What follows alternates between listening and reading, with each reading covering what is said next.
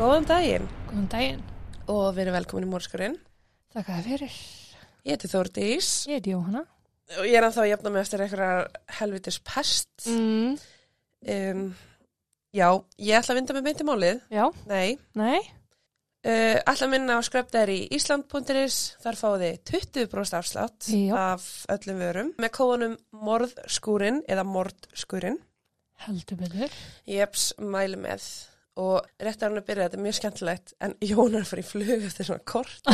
Við ákveðum að taka upp og þetta, hún var svona óbeint bað með um að taka stuttmál þannig að hún geti verið farið og lagt á stað. Og ég tók örgla svona erfiðasta og lengsta mál sem að ég hef tekið.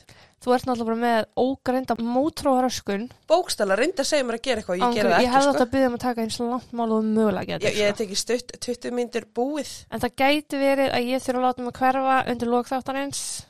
Þá klárum við þetta bara Þá saman. klárar, klárar bóban þetta með ykkur. Jepsi. Dregur þetta í land. Ég ætla bara að byrja þetta.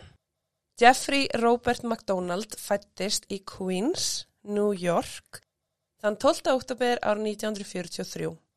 Fóreldra hans voru Max og Dorothy og áttan eru tvö sískinni. Móður Jeffrey líst honum sem mjög góðu barni, hann hafði mikinn áhuga á frjálsum íþróttum og hann gekk vel í skólanum.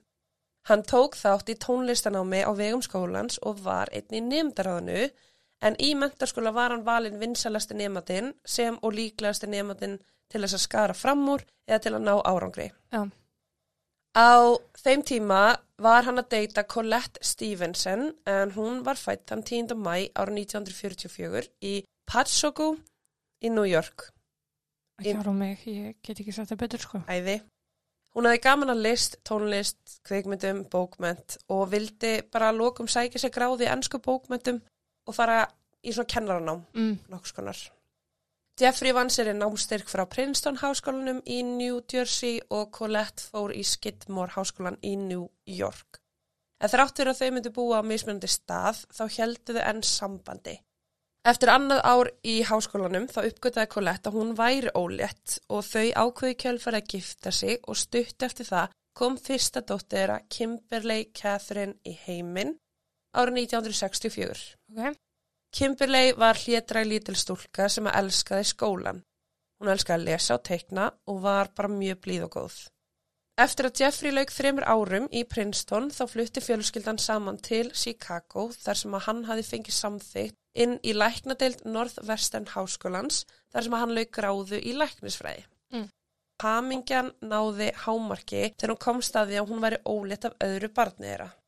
Hún fætti síðan Kristen Jean þann 8. mæ árið 1976 en Kristen, ólíkt sýstu sinni, var algjör óþekta gormur. Eða ormur. Mér er alveg sama. Hún var bæði. Bæði betra. Hún var mjög opinn, hún var óhrætt við að tjá sig um allt og við alla, mjög mannblendin og elskaði dýr. Já. Hún gæti ekki verið kjurr og elskaði að vera út að leika sér í náttúrunni. Þú ert að lýsa dæturum mínum. Ég er að lýsa dætriðinu, sko. Ángríns. En hún var alltaf á yði og fóldra hennar þurfti nú í fyrsta skipti svona að byrja að fylgjast með barninu sinu, Já. hvað það er að gera hverju stundu. Ég er að náttúrulega að lýsa börnunum þínum. Mhm. Jeffrey lauk starfsnámi í skurrlækningum á Columbia Presbyterian sjúkrásinu í New York. Vietnamstríðið var í fullum gangi og eftir að hafa rætta fram og tilbaka við eiginkonu sína þá ákvað hann að skrá sig í herin. Eftir þjálfun flutti fjölskyldan svo á herstöðina í Fort Bragg í Norður Karolínu en það var árið 1969. Ok. Jeffrey var ekki lengi að vinna sér einn gott orðspor meðal samstarfsfélaga sinna en á herstöðinni starfaði hann sem skurðlæknir og í fyrsta skipti frá því að þau hjónin giftu sig þá voru þau komin með nokkuð stabilt líf, áræðanlega laun og eðlilegan vinnutíma. Mm.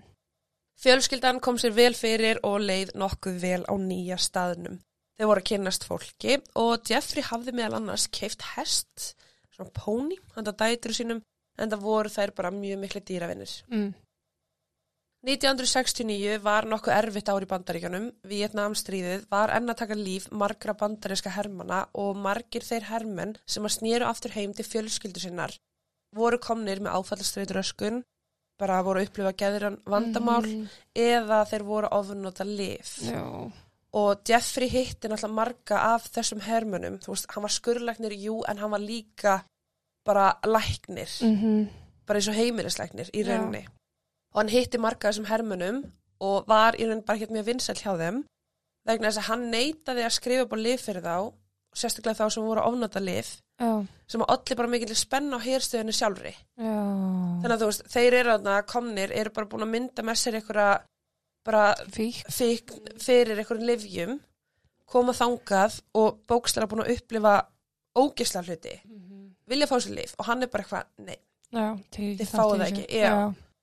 Þann 16. februar ár 1970 kom Jeffrey heim til sín í íbúð fjölskyldunar sem að staðsett var á Castle Drive.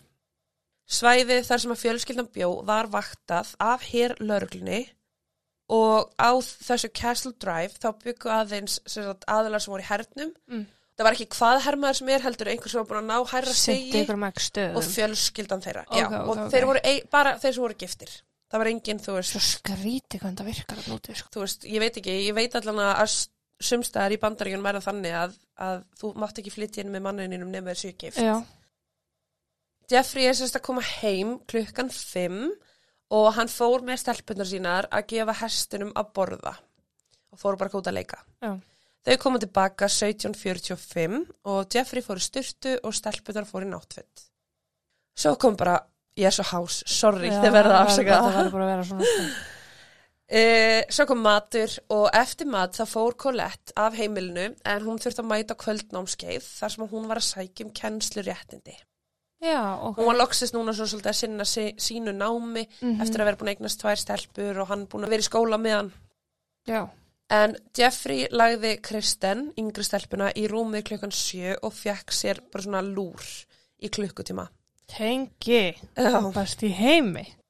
Eftir að hafa vaknað þá fór hann fram og horfi á uppáhaldssjónvastáttin hennar Kimberly með henni og lagði hana svo í rúmið.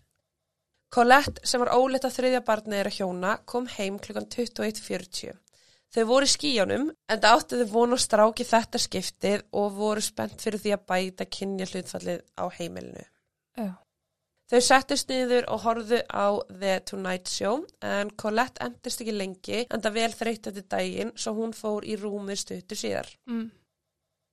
Jeffrey kláraði þáttinn og las svo skáldsögu í smá stund. En það var þá sem hann heyrði Kristen grátandi svo hann fór hann í herbyggi hennar til að róa hana niður og gaf henni kókumjólk. Ok. Hún fór aftur að sofa og Jeffrey fór fram og kláraði bókina sína en þá var klukkan um tvö. Sér sagt aðfaranótt 17. februar. Mm. Nokkru tímum síðar, einum, tveim, þrem tímum síðar, var Jeffrey skyndilega vakin upp af öskrum frá Colette og Kimberly. Hann heyrði Colette öskra, Jeff, af hverju eru þeir að gera mér þetta? Og dóttur sinna öskra, pappi, pappi, pappi. Þegar hann var við það að standa upp, þá sá hann fjóra manneskjur skyndilega standa yfir sér í stofinni. Það voru tveir hvíti karlmenn, einn uh, karlmaður dökkur á hörund og ein kona með sítt ljóst hár, mögulega hárkollu, með hatt og í hnýháum stigvilum. Ok. Konan hélt á kerti fyrir framann andlitans og öskraði Acid is groovy, kill the pigs. Eða bara síra í kekkjuð, drepum svínin. Ok. Á meðan hún var að gera það, þá virtist einn mannana að vera með eitthvað svona hanska á sér. Þegar hann reyndi að standa upp úr sófanum, þá ríðust þeir af honum með svona spýta. Þetta er ekki bara svona spýta eins og smíði pall, heldur eins og tekur þannig spýta og særi tvent. Þú veist, þetta er bara svona, er alveg bara eins og, einhvern veginn þannig. Um, þeir sérst ríðust af honum með því og einni var hann stungin með ísnál. Þarna ekki eigils ísnál, takk fyrir penn.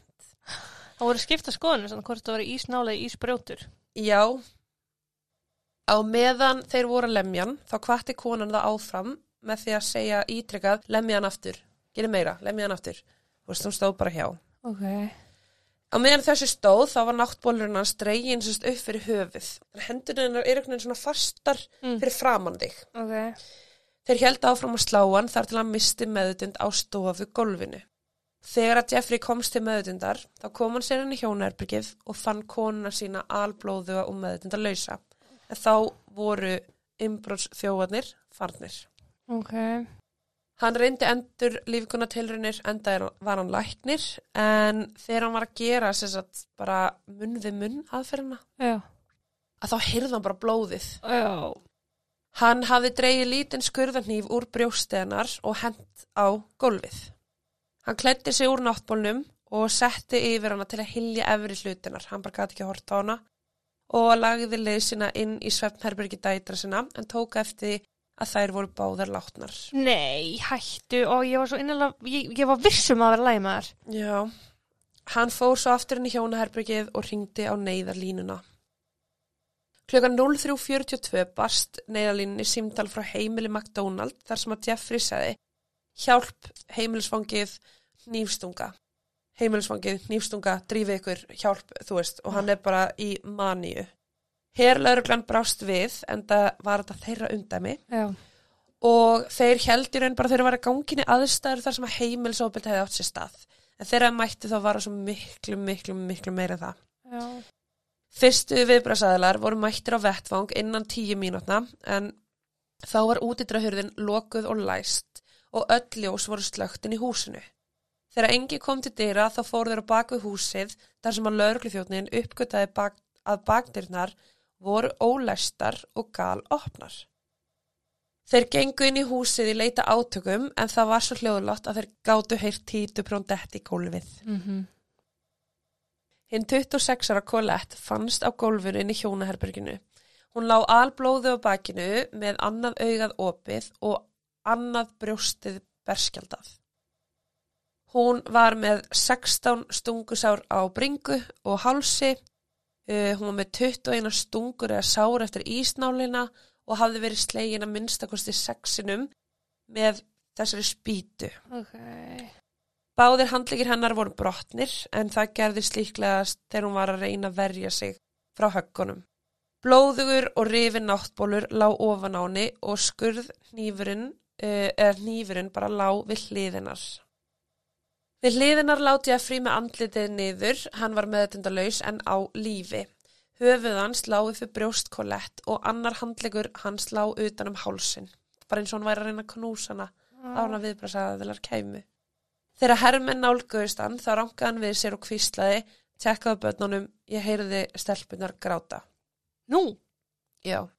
Lörglan held áfram að skoða íbúðuna en þegar það er komin í barnaherbergið þá blasti við þeim skjálfili sjón. Fimm ára Kimberley fannst í rúminu sinu í eigin blóðpolli.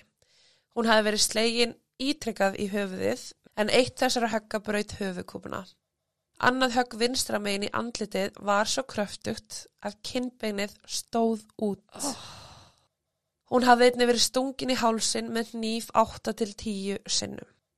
Handan við gangin var tveggjóra Kristinn í sínu eigin rúmi, liggjandi á vinstri hliðinni með pela nálægt munninum. Næ, þú veist í skaren.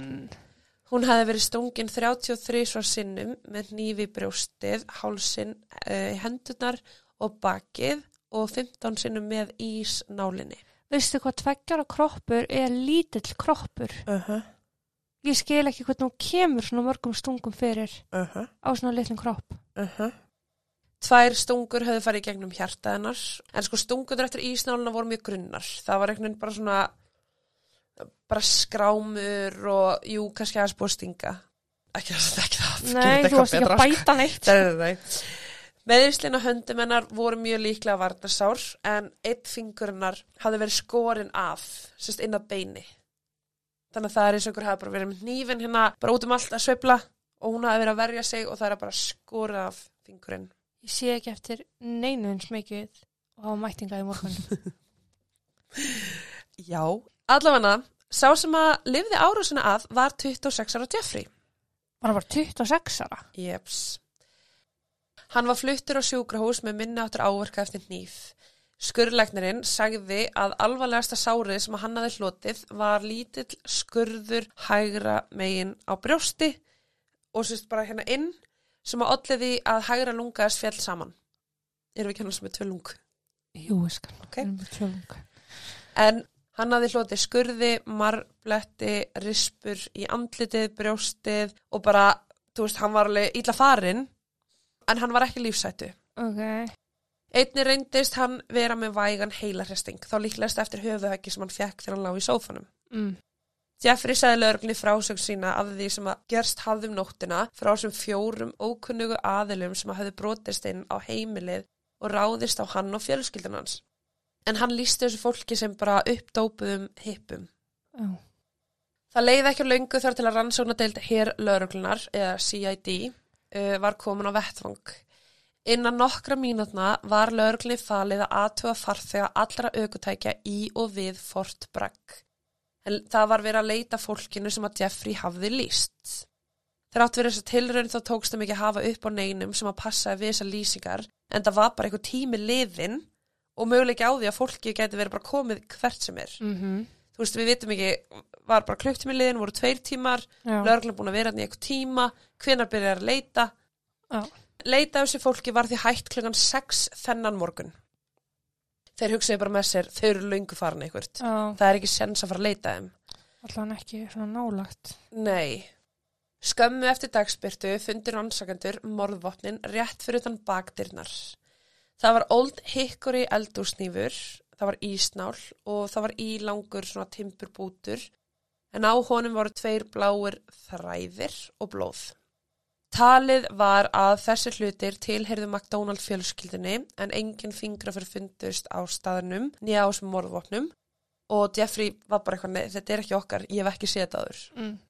William Ivory uh, var fyrstur til að mæta á vettvang, sem sagt á vegum rannsókndild hér lögreglunar og hann tók eftir nokkur hlutum sem að honum fannst vera áhugaverðir í ljósi frásagnar Jeffrey. Honum fannst að sönnagögnin væri ekkert í samræmi við þá atbyrðar á sem að Jeffrey hafði líst. Jeffrey var meðal annars þjálfaður hermaður og það voru engin augljós uh, merkjum átök í stofinni. Hún var bara í raun ósnert og í heilu lagi að undanskildu stofuborðu sem var á hlið Já. eða búið sláði um koll og plöntu sem að lá á gólfinu. Ertu með myndir af vettvagnum? Já. Ok. Og nokkur tímaritt sem að voru, voru ofan á stofuborðinu lá á gólfinu. Og hann var bara eitthvað, ok, þessi maður er hér þjálfaður. Þetta er akkur hann ekki að verja sig, eða fattur hvað ég meina. Mm -hmm. Hún var þetta skríti. Tala var við nágranna McDonald fjölskyldunar og það var enginn sem að heyrði neinn hljóð eða eitthvað ónaði innan heimilisins þessa nótt en það voru einhverju sem að höfðu heyrt kolett öskra. Auk þess sem engar skemmdir fundust inn á heimilinu þá fundust uh, engir þræðir úr náttfötunum hans Jeffrey í stofunni þar sem hann sagði að náttbólun hefði rifnað. Já. Hins vegar fundust þræðir eða trefjar undir líki Colette og í svefnherbergjum beggja dætrans ásamt í að það fundust þræðir undir nögl Kristen. Sérst blái þræðir, það var í blá náttfutum. Það var mjög spes í ljósi þess að Jeffrey hafi sagt að hann fór fyrst inn í hjónaherbergið til Colette. Já. Hann hefði farið úr náttbólnum, lagt yfir hana og farið síðan á aðtugum með stelpunar. Uh Þannig að hvernig fannst þráður úr náttfutunum hans inni hjá stelpunum ef Mhm. þú ert bera ofan og þú ert ekki meðnett til að bera áfram. Nei. Húðbytti fannst undir nögl kolett en það sönnagagn glataðist áður en að hægt var að gera samsvörun við DNA. Blóðslettur eftir högg af timburbútnum fundust í þremur söfnherbergjunum þar sem að Colette, Kimberly og Kristen voru en það voru engin slík í stofunni þar sem að Jeffrey sagðist hafa orði fyrir höggi. Það fannst hvorki blóð nýja fingraför á símanum sem að Jeffrey sagðist hafa notað til að ringi neðlinna. En fremur fannst blóðugur búti af hanska undir höfuðgablinum í hjónaherberginu en þar var búið að skrifa svona blóð áletrun og með blóðunum Colette Mm. og þar stóð pig eða svín. Já. Þessi hanski var bara sá sami eða sama típa og Jeffrey átti til heima á sér og geymdi sérst inn í eldúsi. En hann alltaf var skurðlegnir og átti alls konar byrðir heima á sér. Hann átti hnífa, hann átti, þú veist, allt sem hann gæti mögulega kannski þurft bara að setja í tösku og hlaup út. Já. En þetta með áletrununa uh, myndi einni helst á skjálfileg mannsonmorðin á Tate og La Bianca sem að höfðu átt sér stað aðeins sex mánuðum áður. Fyrsta sem ég hugsaði þegar þú sagði þetta með síruna. Mm -hmm. yep. Það rindi nóttina 16. til 17. februar og Jeffrey fullirti sérstaklega að stigvel konunar hafi verið rennandi blöyt. En það fannst einungis eitt fótspor á vettfangi og það var blóðugt uh, fótspor eftir einhvern sem var berfættur og það var staðsettin í herbygginu hennar Kristen sem hann leiti frá rúmunu hennar í átt af dýrónum.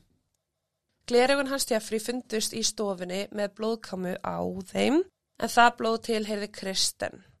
Mm. Hins vegar hafði Jeffrey sagt að hann var ekki með glerugun á sér þegar hann fór hann í herbyggja hennar en það höfðu árásumennir sleiðu af honum Já, og þau náttúrulega voru hann í stofu já, já. en nú var allir blóðina Kristen komin, komið á glerugun hans. Inn á Baðarbergi voru nokkri blóðdrópar sem að pörsuðu við blóðflokk Jeffrey. En það var sérst hannig að þessir fjóri fjölskyldumæðlumir, Jeffrey, Colette, Kimberly og Kristen, þau voru öll með mismunandi blóðflokk. Þú veist, A plus, B og A minus eða eitthvað. já, já. Sem bara kyrist ekki en gerðist. Þannig að það var útrúlega auðvelt fyrir rannsóknu laurugluna að fylgjast með hver á, eða þú veist, Já, bara út frá blóðflokka greiningunni. Já, bara blóðflokkagreiningin tekur miklu, miklu stittri tíma að fylgjast með hver og hvað gera ákveðna svona blóðslóð og rekja það og í staðan fyrir alltaf að bera saman við DNA Já, eða eitthvað svo leiðis. blóðflokka greiningin er líka frekar auðvelt þarna. Það er bara að tekið blóð, sett nokkur drópa, séð hvað og. blóðið kekkist. Mm Um miðjan mars hafði lauruglan fengið niðurstöður úr réttaransókn sem að gerð var á blóðinu, hárinu og bara þræðunum sem að fundust inn á heimilinu. Þá fannst meðal annars blóð Kimberly á náttbólnum hans Jeffrey.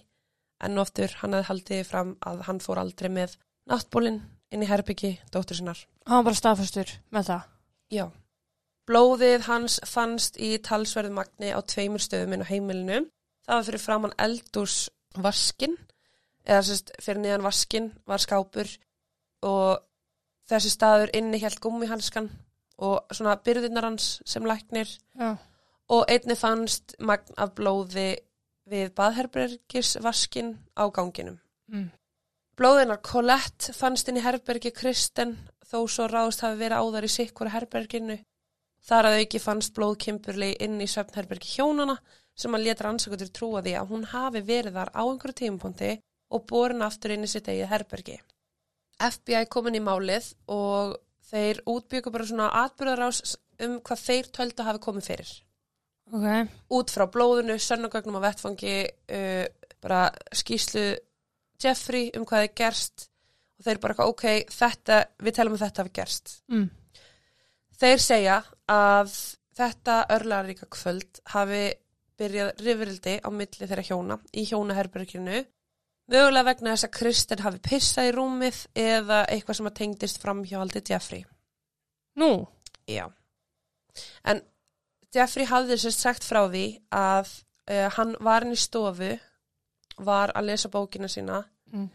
Þegar hann fór inn í hjónaherbergi og ætlaði að fara að sofa, þá tók hann eftir að Kristen lá við hliðin og Colette. Ok. Kristen var búin að pissa í rúm með þeirra, þannig að hann færði Kristen yfir í sitt eigi herbergi og í staðan fyrir að fara að vekja Colette og skiptum á rúminu og eitthvað, að þá kom hann bara að taka teppi og fara hann í stofu og sofa þar.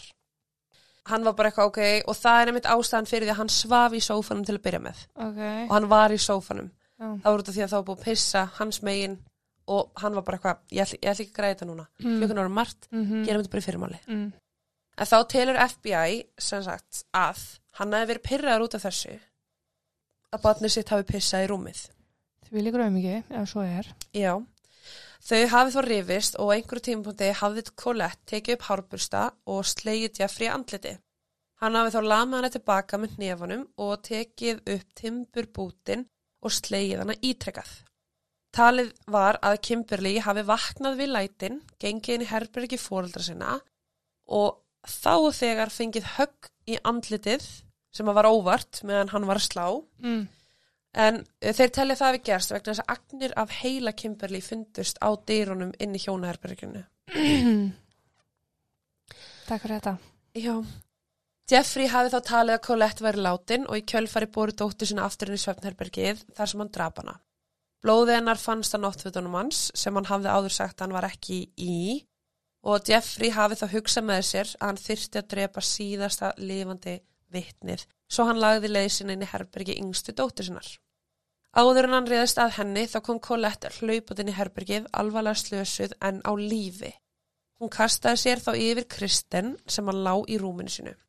Blóð Colette fannst nefnilega á rúmsæng Kristen og einum vegnum í svefnherberginu, hennar. Já. Jeffrey held að áfram að berja þær báðar í herbergi Kristen með þeim aflengum að þær létu lífið. Eftir það þá vafðan líki Colette inn í lag og bar hann aftur inn í hjónaherbergið en það voru fóspor með blóðunar Colette á leiðinni út úr herbergi Kristen en það voru engin blóðu fóspor sem að fóru hjónaherberginu og út. Þannig að talið er að hann hafi byrjað að lemja hjónaherberginu og hann hafi endilega drepið þær báðar inn í á Kristen Mm þá komið alltaf til blóði og hann hafi þá borðið þær inn í hjónaherberginu. Já, já. Eftir að hafa myrt alla fjölskyldinu sína á hróttalegan hátt þá taldi FBI að hann hafi byrjað þá þegar að hilma yfir glæpnum. Merkilegt nokk var að eintak af tímariti fannst í stofunni en í því voru margar greinar um mannsson morðin. Þá var svo kenning sett fram að Jeffrey hafi sett á sig einnóta hanska og farið inn í hjónaherbergið og skrifa svín fyrir ofan rúmgablin með blóði kolett til að svona afvega leiða Já. hvað gerðist. Hann hafi þá fjarlægt náttfötu sín og lagt þau ofan á konuna sína og stungi hana ítrykkað í brjóstið með ísnálinni. Hann flegði síðan morðvopnunum nálægt bakdýrunum eftir að hafa þurka fingrafjörun af þeim og að lokum tók hann hníf úr byrðaskapnum sínum, fór hann á baðarbergi og stakk sjálfa sig einu sinni með þeim afleggingum að Lunga hans féll. Hann hafði þá notað síman til að ringja eftir sjúkrabíl og á meðan hann beigð þá lagðist hann við hlið Colette. Nýfurinn sem að tali er að hann hafi notað og einnota hanskin fundust aldrei. Ok. Þetta er bara frásögnin sem FBI segir. Þau segir bara þetta gerðist. Mm Jeffrey neitaði allri sög og hjælt sér bara við frásögn sína um þessa bóðflennus. Hann neitaði einn á morðvopnin hafi komið frá heimilinu en sko, timburbúturinn passaði við eitthvað viðaskáp sem að var hann í hermbrygginu hennar Kimberly. Það voru samt sem aður stór mistök gerði í þessari rannsókn. Húsið var aldrei innsiglað og það voru 26 manns sem að fenga að lappa inn og út af vettfangi áður en að öllu var lokað. Þar á meðal var bílstjóri sjúkrabilsins sem hafði stólið veskinu hans Jeffrey af vettfangi. Þetta var það opið að, veist, Hversu lélögur eftir þínu starfi að haga er þannig? samt? Jep. Nokkur mikilvæg sönnagang týndust, það var meðal annars uh, bláu þræðirnir sem að fundust undir nögl Kristen og húðstykki sem að fannst undir nögl Colette. Einni leifðu rannsóknar aðilar, lækni að snúa líki Colette við og færa náttbólinn sem að lá ofan á henni áður en að það voru tekna myndir eða það var rannsaka almennilega. Já. 40 setta fingraförum eðilaust á samt blóði á fótsporinu. Búið var að laga til vettvangin áður en rannsóna lögreglan kom en það var til dæmis búið að setja plöntuna aftur upp. Það var búið að laga borðið, blóð bara og fingraför höfðu verið þurrkuð af símanum út af því hann var notaður einhverjum sem var aðna. Ah. Sérst af þessum 26 aðlum sem voru að vinna á vettvangi. Þeir bara tókum síman og byrja að ringja skiljur. Uh, Lörglan notaði meðal annars ketilinn í eldúsinu til að útbúa kaffi fyrir alla og sá sem að sá sérst, um fingraförin. Já. Hann glemdi að setja duftið Nei. áður en hann límdi til að pikka upp. Þannig að hann alltaf bara setur á og eyðileggu þau. Hann. Þannig að öll fingraförin eðilöst og það var aldrei tekin líkan af sérst fingraförum fórnalampana til samaburðar á þeim sem að voru vettvangi. Mm. Þannig að þau hefði aldrei getað notað þessi fingraför vegna þess að, að þetta er hvað minna. Já, já, já. Þetta var bara, þessi rannsókn var bara algjört bull. Frá að til huga. Eftir að hafa dvalið á sjúkrósi í nýju daga þá var Jeffrey fenginn í skýslutöku. Þá var hann meðal annars spurður hvort hann hafi stungið sjálfa sig en þegar hann kom á sjúkrósi þá sagði hann læknum strax frá því að hann teldi að lunga sitt væri fallið saman. Og sum, sumir voru bara eitthvað, ok, hvernig veistu það? En alltaf hann er læknir, Mhm. kannski finnur hann fyrir því. Þú veist, þetta var svona báða vegu. Ef lunga þetta fallið saman átt bara erfitt með að anda, sko. Já. Já. En aðri voru bara eitthvað, já, ok, getur verið að hann hafa bara stungið sjálfa sig og akkurat vilja stinga á þennan stað og þess vegna mætir hann að það er verða að laga mig núna. Já.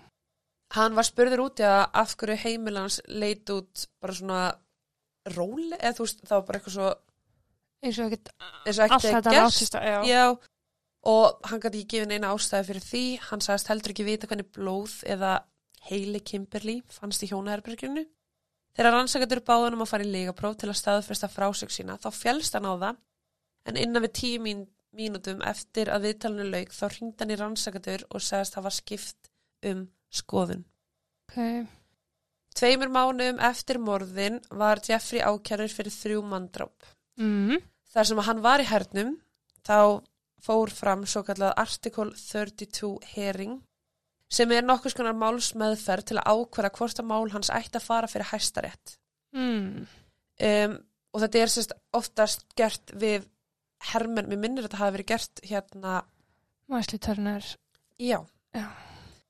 Um, þá var Jeffrey meðal annars sendur í geðmat af lögumanni sínum en þar kom fram, það var ekki dánum Mm. þú veist, uh, en hann var mögulega svona vildi vera með eitthvað þörf fyrir að vera þekktur einstaklingur fyrir að vera Ah. frægur Ekki fyrir gott, bara hvað sem er. já, bara ekkert endilega þetta sko Mm. hann væri bara svona svolítið, vildi vera svolítið kallinn Ok. það eina sem kom fram, veist, hann var ekki minn einhverja, Bara eitthvað svona mikil mennsku álit á sjálfur sér.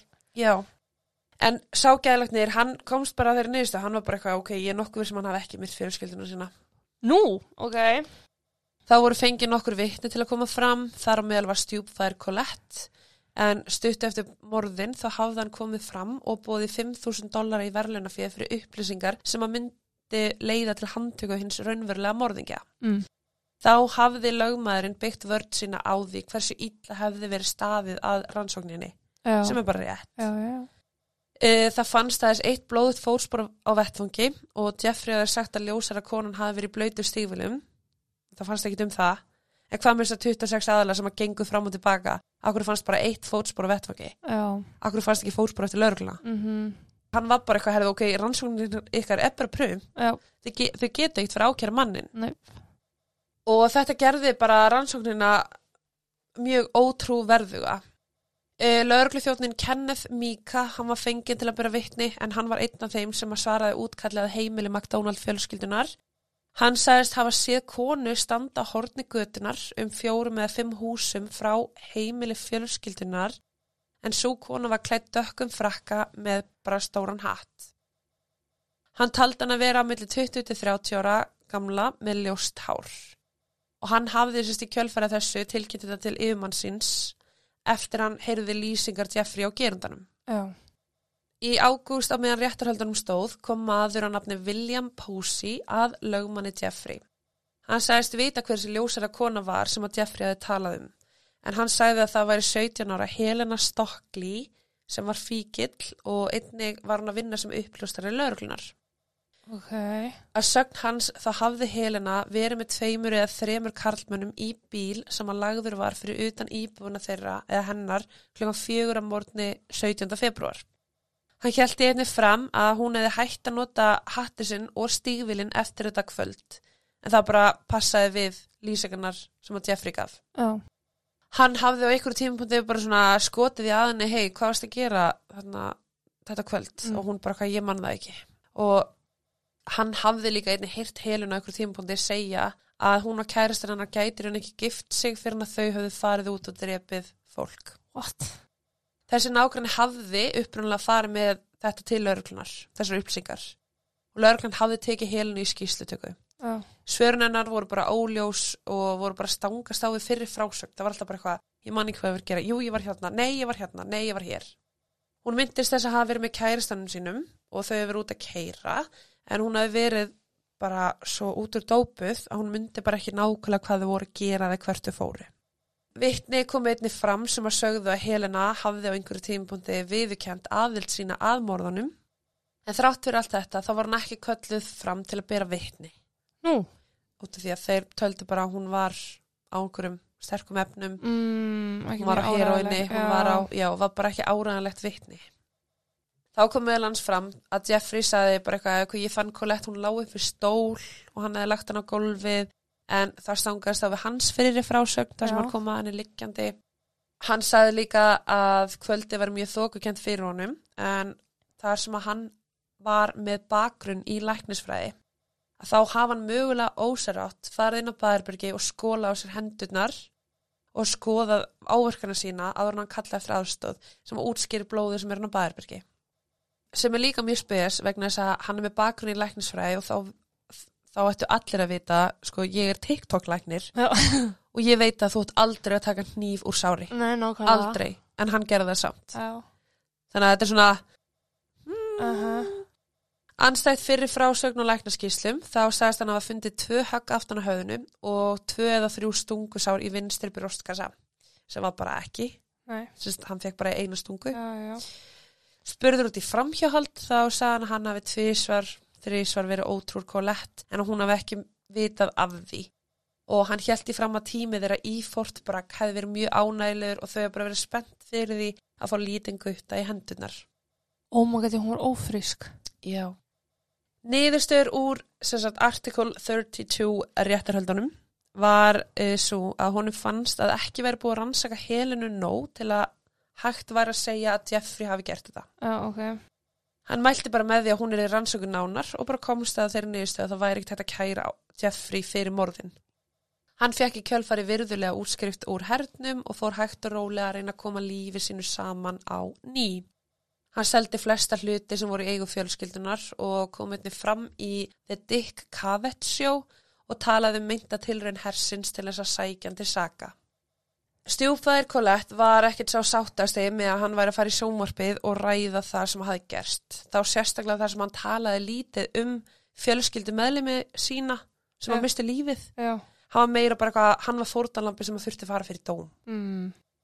Stjúpapinn hafði því sambandið Jeffrey og vildi bara fá aðganga gögnum málsins en Jeffrey kom alltaf með eitthvað afsökun. Hann bara, eitthvað, æ, herðu, ég, ég er ekki laus í dag. Hann átti sérst allt sem kom fram í rétturöldunum. Já. Og að lokum hann við stjúpappan að hann ásamt öðrum leiðismönnum hersins höfðu fundið raunverulega morðingina og séð um þá. Eða they've been taken care of. Þessin bara drefun. Mm. Hann endaði á því eftir eitthvað tíma fram og tilbaka að gefa Freddy skjölin, svo stjúpappanum, og í kjölfari fór hann í gegnum hvert einasta skjál sem hann fekk í hendurnar, en það voru 2000 blæsir. Já, sæl. Hann byrjaði að finna ósamræmi við vittnisspur Jeffrey og lagði leið sína að heimilinu til að fara yfir allt frá grunni. Á sama tíma flutti Jeffrey til Kaliforníu þar sem hann hófstöður sem læknir á bráðamótöku. Uh, hann kefti sér snekju, sportbíl og ekki leið á löngu þar til hann var farin að deyta á ný. Þó svo að hann hafi kannski ekki gert sér grein fyrir því þá þegar. En þá var rannsókn í máli Colette og stelpnana enn í gangi og þeir voru alveg ennþá að skoða Jeffrey. Ok. Þeir komist að því að hjónaband þeirra var ekkit upp á sitt besta en uh, hann hafði að minnstakosti verið með 15 öðrum konum en hann var með Colette. Mm. Fjölskyldumæðlumur sagði að Colette hefði vitað að þessu og sagt að hún vildi ekki lengur verið í þessu hjónabandi. Hún hefði sagt um móðu sinna að þegar Jeffrey uh, var búin að plana þryggja mánu að vinnuferð þá hafði hún, já, sagt um móðu sinna að hún ætlaði bara að koma heim með börnin og bara yfirgefa hann. Nú. Þetta var tveimu dögum áður en Fyrir. morðin átt sér stað. Já. Ok. Freddy komst einna að því að nokkru vikum fyrir morðin þá hafði Jeffrey byrjað að deyta stelpu sem var að vinna í Fort Bragg. Þar sem að herdómstólinn hafði fellt niður mál uh, Jeffrey þá þurfti Freddy og konan hans að hefja engamálakröfu á hendur Jeffrey en þar sem hann var í hernum og hafði verið síknar af herdómstólum Þá var það ekkert hægt að gera. Double Jeopardy. Fucking kjátaði. Á meðan var herrlaurglan en þá samt sem var að rannsaka aðild Jeffrey sem og Helenu og það reyndist um erfitt þar sem að Helena var bara í svo mikill neistlu. Uh, það var ekkert hægt að taka því alvarlega sem hún var að segja. Nei. Árið 1974 var dómnend köllu saman í Norðu Karolínu sem að eittu sjö mánuðum í að fara yfir sönnugagnin, hlusta á vitnisspurð og að lokum ákvaðu að kæra Jeffrey fyrir morðin, Mm. ákæran. Verjandi Jeffrey gat látið þess ákæru falla niður Hvernig? og hann sagði sérst bara skjólstæðingur sinn hafa ekki fengið réttleta málsmeðferð.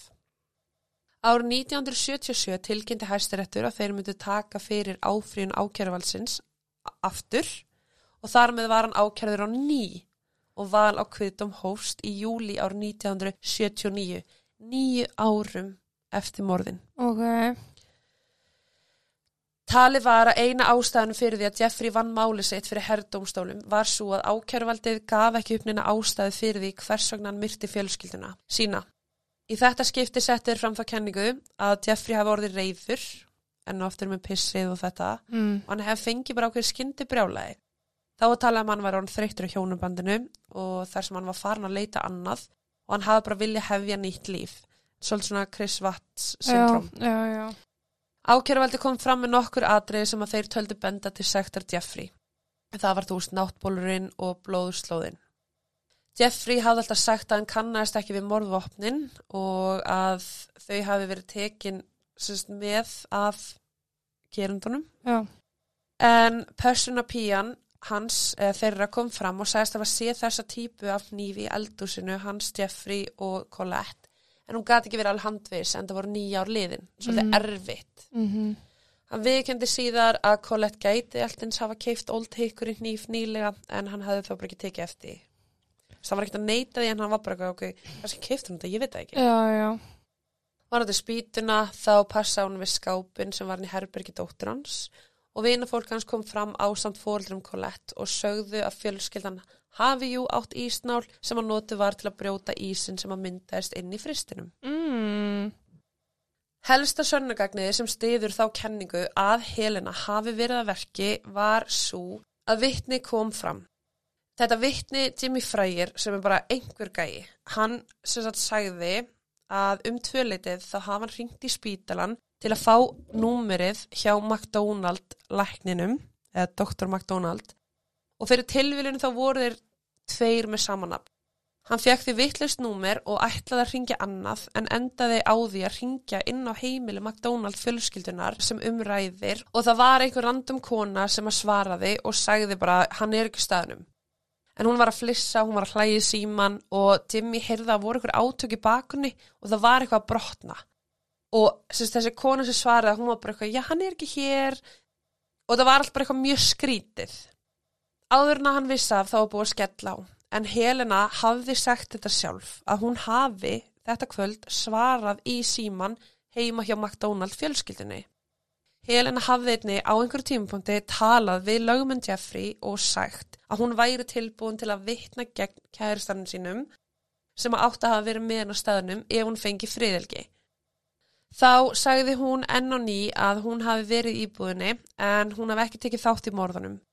Hún sagðist hafa muna eftir því að standa út í regningunni og stara á allt blóðið á höndunum hennar og að hún hafi meðal annars reynt að setjast á rugguhestin hennar Kristen en að hann var brotin. Henni voru síndar einhverja myndir og það sást ekki á myndunum að hestur var brotin en hann var það jú, þannig að hvernig vissi hún það? Hún gæti henni líst íbúðinni og sagði frá því að Jeffrey hafði verið sofandi í sófanum og það var eitthvað sem að engin átt að vita. Hún gaf líka ástæði fyrir því uh, af hverju Jeffrey hafði slasast svona lítið en það var vegna þess að planið var að særa Jeffrey.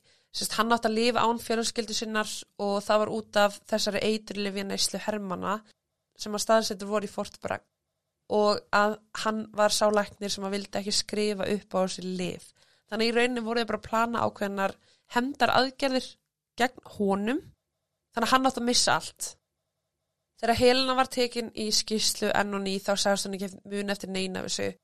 Hún vissi ekkert hvað hann var að tala um uh, og þetta var bara þvert á móti því sem hún hafði áður sagt.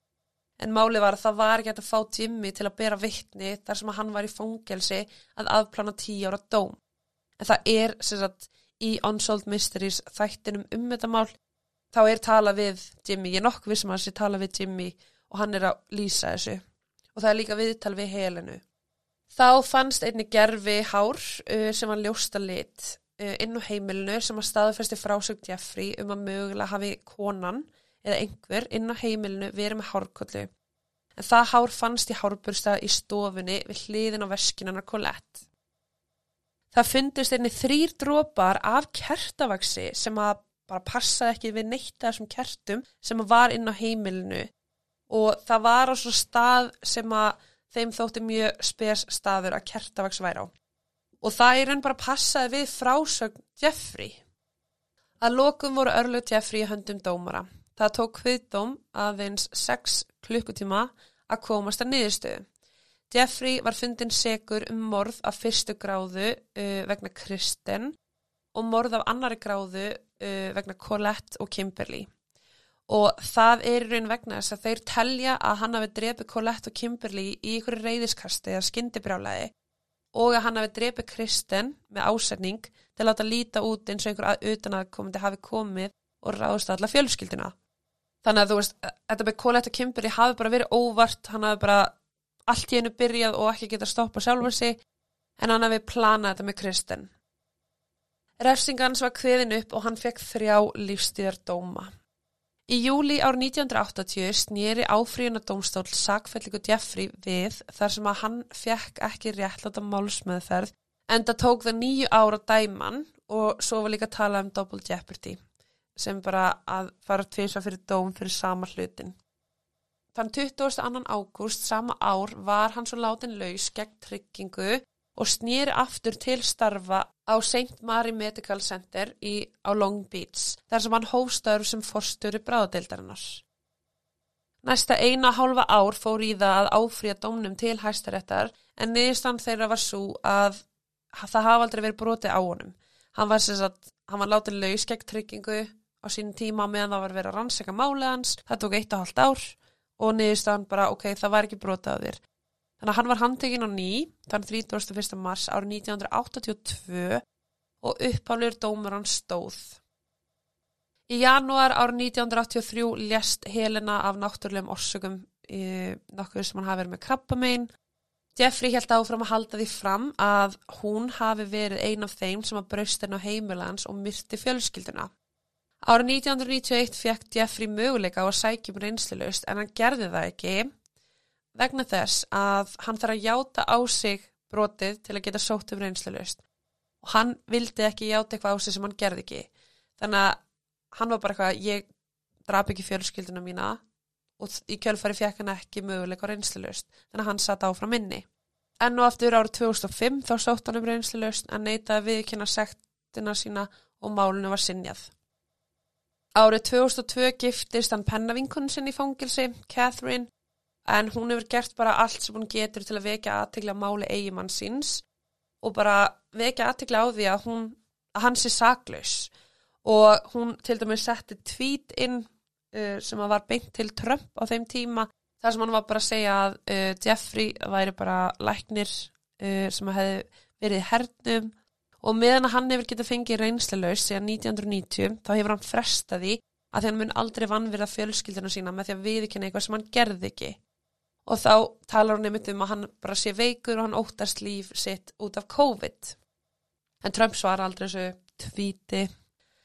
En það voru gerðar rannsóknir á þessu DNA og allt sem að fannst á vettfangi, ekki því sem að hafi týnst, heldur að var einhvern veginn farið aftur og bara yfir málið og það fundist enga vísbendingar um að Helena eða kærastan hennar hafi verið á vettfangi. En notabene flest allt sem að þau tekið, svona helstu sönnugögnin, þau voru tínt. Þannig að það var eitt þetta rannsaka þetta almennilega. Þrjú hár sem að fundust á vettvangi voru ekki samsverun við DNA-profil hjá neinum í McDonald fjölskyldinu eða helenu og kæristan hennar. Þannig að þetta var svona, ok, hvaðan kom þessi hár?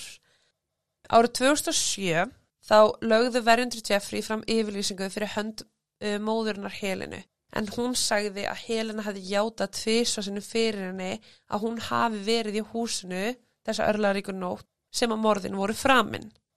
Og bara næstu ár frá 2007 fóru bara í bara áfríamálinu, uh, býða eftir niðurstöðu dómstólum og bara enn og eftir fram og tilbaka áfríja, mögulegir reynslilust, neitun, áfríja. Sem að endaði raun bara með því að Jeffrey satt áfram í fangilsi og held áfram bara að neita allri þáttöku uh, á þessu morði.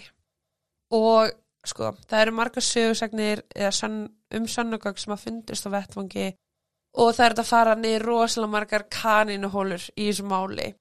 En uh, staðrættin er svo að Jeffrey situr í fangilsi í Cumberland í Maryland og hann hefur verið þar bara nánast síðan þetta gerist það er svo mikið við þetta mál sem hægt er að fara fram og tilbaka, það voru líka einhverja ferðartöskur sem að fundust inn í herberginu og þá var þú veist getur verið að Colette hafi ætlað að flý eða stingan af getur verið að Colette hafi ætlað að yfirgefa hann og hann hafi komist að því veist, þetta er bara svona típi sem við sjáum í þáttaröðum og bíómyndum og það er bara eitthvað svona Desperate Housewives til dæmis þú veist, konan er með ferðartöskuna að lappa út og eiginmann kemur heim og bara sér hana, skilur við og það var eitthvað svona kenning með ok, getur verið hún hafið þarna hún var búin að segja við móður svona tveimdum áður hún ætlaði bara að koma. Eða var þetta mjögulega ferðartöskuna hans Jeffrey uh, fyrir að hann var að fara í þetta þryggja mánuða ferðarlag það getur líka vel verið, við vitum það ekki. En það var bara mjög illa staðið að þessari rannsók en það sem að er rosalega svona skrítið með þetta mál er Helena. Vegna þess að sko Helena hefur komið fram með upplýsingar sem engin veit. Það var með að rugguhæsturum var brotin hún hefur komið fram með að Jeffrey svaf í sófanum. Um, hún hefur játað þetta við mjög marga. Hún sást af vittni með þremur karlmönnum þessa nótt. Um, vittnið sem að kom fram sem að sagast að það var ringt á heimilið. Helena hefur sjálfsagt bara eitthvað já þú veist meðan ég var á heimilinu þá var eitthvað sem að ringdi í svaraði símanum og þá er maður bara eitthvað ok og það er þessi Jimmy skilur skilur eins og sé eitthvað reyna að hlusta mig. Þú veist allt þetta með Helenu og, veist, og sami kertavaksið út af því að Jeffrey segði að hún hefði komið með kertavaksi andlitið á honum og að hún hefði verið að segja eitthvað með síruna og þetta. Og svo finnst kertavaks á sem stað sem er ekki eftir einhver kerti á heimilinu og maður er bara eitthvað hvað, þú veist, hvað er að gerast en þetta er einhvern veginn svona, ég veit ekki svo fyrir við líka yfir á Jeffrey og allt sem að hans sagði, hans frásögn og það er líka allt ótrúlega skrítið. En Jeffrey er sá sem að situr inni og ég væri bara rosalega mikið til að heyra hvað ykkur finnst. Þú veist haldið þetta sé Jeffrey eða er þetta Helena? Eða getur þetta verið bara einhver allt annars en ég ætla að setja myndir og af öllum sönnugögnum og allt svo leiðis inn á Instagram og Facebook. Og það væri alveg geggjað ef þið myndir komin á Instagram og e, þið myndir sagt, bara annarkur senda okkur skilabóð eða bara kommenta undir þar sem ég set myndirnar bara hvað þið haldið út af því að þetta er svo styrla mál og það er svo margt meira í þessu máli Veist, ég geti verið hérna að tala í allan dag og ég reyndi þessi gat svona að taka það helsta og styrta niður. Svo er bara til dæmis eins og með helinu hún var í einhverjum satanískum uh, hóp sem að bara þú veist, e, þetta, bara, þetta mál er bara styrlun en já, ég ætla hann að endilega komið á Instagram og fylgja okkur kannski leðinni en allan að segja okkur hvað eitthvað finnst eða eru með eitthvað aðra skoðun eða, já ógislega skreita að ekki hjón hérna til að svara mér. Þess, ég veit ekki, mér lýr alltaf eins og ég spyrir einhverja spurninga eða eitthvað svona, býð eftir svari og svo bara er enginn að segja neitt. Þannig að, ok, ég ætla bara að segja þetta gott í dag og segja þá bara takk og bless og þar til næst